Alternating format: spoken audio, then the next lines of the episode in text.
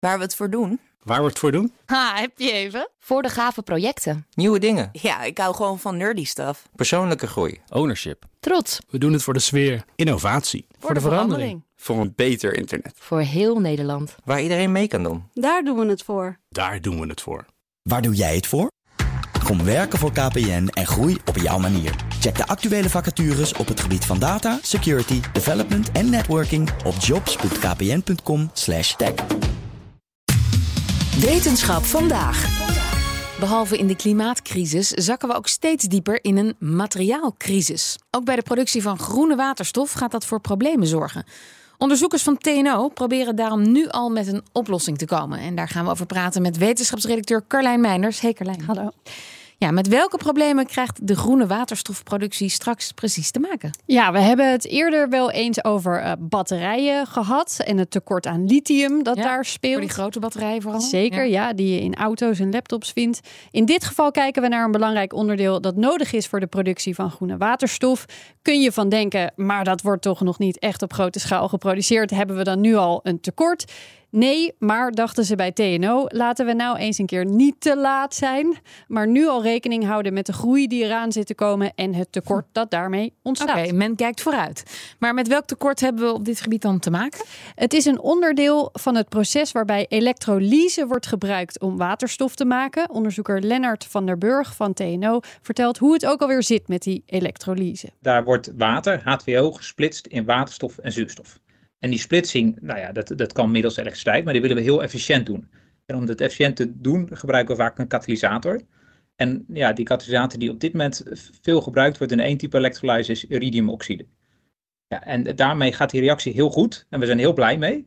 Het enige nadeel van dit, dit, dit, ja, dit schaarse, eh, schaarse materiaal, schaarse metaal, is dat het, ja, het, het, zegt echt, het is heel schaars. Het wordt op drie plekken in de wereld gevonden. Het wordt gevonden in Zuid-Afrika, grotendeels Zuid-Afrika eigenlijk.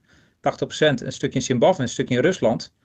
Ja, en wereldwijd is er 7 ton per jaar beschikbaar. Ja, en dat is niet zo gek veel. En uh, ja, wij willen dat voor elektrolyzers gebruiken, uh, windturbines gebruiken het. Het wordt in sieraden gebruikt, het wordt in elektronica gebruikt. Dus iedereen trekt aan dat materiaal.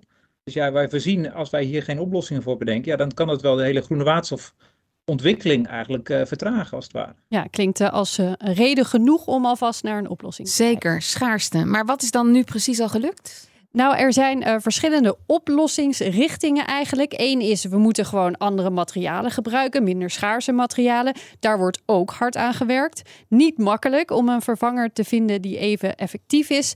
Uh, TNO koos voor een andere richting, namelijk kunnen we veel minder van dit schaarse materiaal gebruiken. Ze gingen ermee naar Eindhoven, waar veel expertise zit in de beeldschermenhoek. Mm -hmm. Daar zijn ze enorm goed in dunne laagjes maken. De Philips TV. ja, met het idee idee uh, zouden die dunne laagjes niet ook gemaakt kunnen worden voor electrolyzers. Nou, dat was eigenlijk de gedachte. En uh, nou ja, die hebben we eigenlijk gecombineerd met onze groep in Petten, die heel veel van die electrolyzers afweet. En eigenlijk ja, feitelijk bij elkaar gezet. En daar kwam eigenlijk het idee uit van, nou kunnen wij die hele dunne laagjes in 3D poreuze structuren maken. Zodat we eigenlijk ja, met minder materiaal meer resultaat zouden kunnen boeken. Ja, dat is leuk op, in theorie, maar kunnen het ook in de praktijk uh, toetsen. Dus we zijn er hier twee jaar geleden mee begonnen. We hebben verschillende labtesten gedaan. En nou ja, op een gegeven moment kwam uit de labtest dat wij tot 30% uh, het, het, het efficiëntie halen van het materiaal nu. Met 200 minder van het iridium. Ja, 200 keer minder iridium is er op deze manier dus nodig. En nog steeds lukte het om waterstof daarmee te maken. Maar wel met 30% uh, van de efficiëntie. Ja, dat klopt helemaal. Dat is logisch ook dat uh, daar wat van gezegd wordt. Maar dat is de volgende stap om dat dan weer omhoog te krijgen. Maar konden ze dan niet gewoon eerst mikken op een zo hoog mogelijke efficiëntie? Ja, dat is een goede vraag. Daar was ik ook heel benieuwd naar. Je hebt vaak honderden opties op tafel liggen en je wil echt kijken, ja, wat, wat maakt het meeste kans? We proberen altijd de extreme te zoeken. Dus extreem met ultralaag belading. Kunnen we hier nog waterstof uitkrijgen? Ja, en nou, met die 200 keer kwam het uit. Ja, we krijgen hier waterstof uit, nog best wel veel. Dus, dus dat is meer vanuit de techniek, vanuit de wetenschap. En nu komt uit de markt die zegt, ja leuk, maar we willen die efficiëntie. En dan ga je optimaliseren meer vanuit die marktkant. Dus, dus je begint vanuit de wetenschap en dan komt meer vanuit de markt andere redenen eigenlijk om, uh, om dat omhoog te krijgen. En dat is dan ook de eerstvolgende stap, lijkt ja, me. zeker. Aan die knoppen draaien tot de efficiëntie minstens even goed is als wat er nu wordt gehaald. Liefst nog veel beter. Want anders wil ook geen producent het gaan maken straks. Uh, maar ook kijken of het op grotere schaal werkt in verschillende situaties. En dat dan zo snel mogelijk. Daar zullen ze ook de hulp van de industrie bij nodig gaan hebben. En tegelijk wordt er dus ook nog steeds door verschillende onderzoekers gezocht naar iets wat het helemaal zou kunnen vervangen. En recyclen, is dat ook nog een optie? Ook een belangrijke zeker. En daar zou die nieuwe electrolyzer ook wel eens een belangrijke bijdrage aan kunnen leveren. Wordt het even een beetje technisch. In het hart van de elektrolyzer zit de stek. En daar zit een, eigenlijk stapeling van cellen waar de reactie plaatsvindt. Hè? Waar het, water in waterstof en zuurstof gescheiden wordt. Dus zijn hele kleine celletjes. En normaal wordt die, het catalyst materiaal wordt op een membraan aangebracht. Wij brengen dat niet op een membraan op, maar op, de, op een poreuze laag eigenlijk.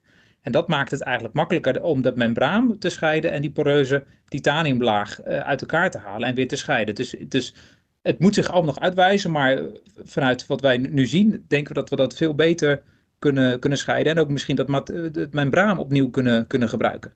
dus dus dan, dan, zien we daar ook weer een winst in, zeg maar. Want nu, nu wordt dat membraan verbrand en dan kun je het ook niet gebruiken. Dus dan, dan eigenlijk maak je een veel circulairder electrolyzer cel design van. Ja, vandaag hebben ze dit dus uh, gepresenteerd. Daar zijn ze allemaal heel blij mee dat dit is gelukt. En daar kwamen ook al allerlei reacties op van collega-onderzoekers, start-ups met goede ideeën om weer door te gaan, vertelde Van der Burg. Dus dat klinkt alvast veelbelovend. Dankjewel, Carlijn. Ook Liesbeth Staats vind je in de BNR-app. Ja, heel handig. Luister live naar Kees en mij tijdens de Daily Move. Dan blijf je ook gelijk op de hoogte van breaking news en het laatste zakelijke nieuws. En daar vind je ook alle BNR-podcasts, waaronder de Perestrooikast. Download nu de gratis BNR-app en blijf scherp.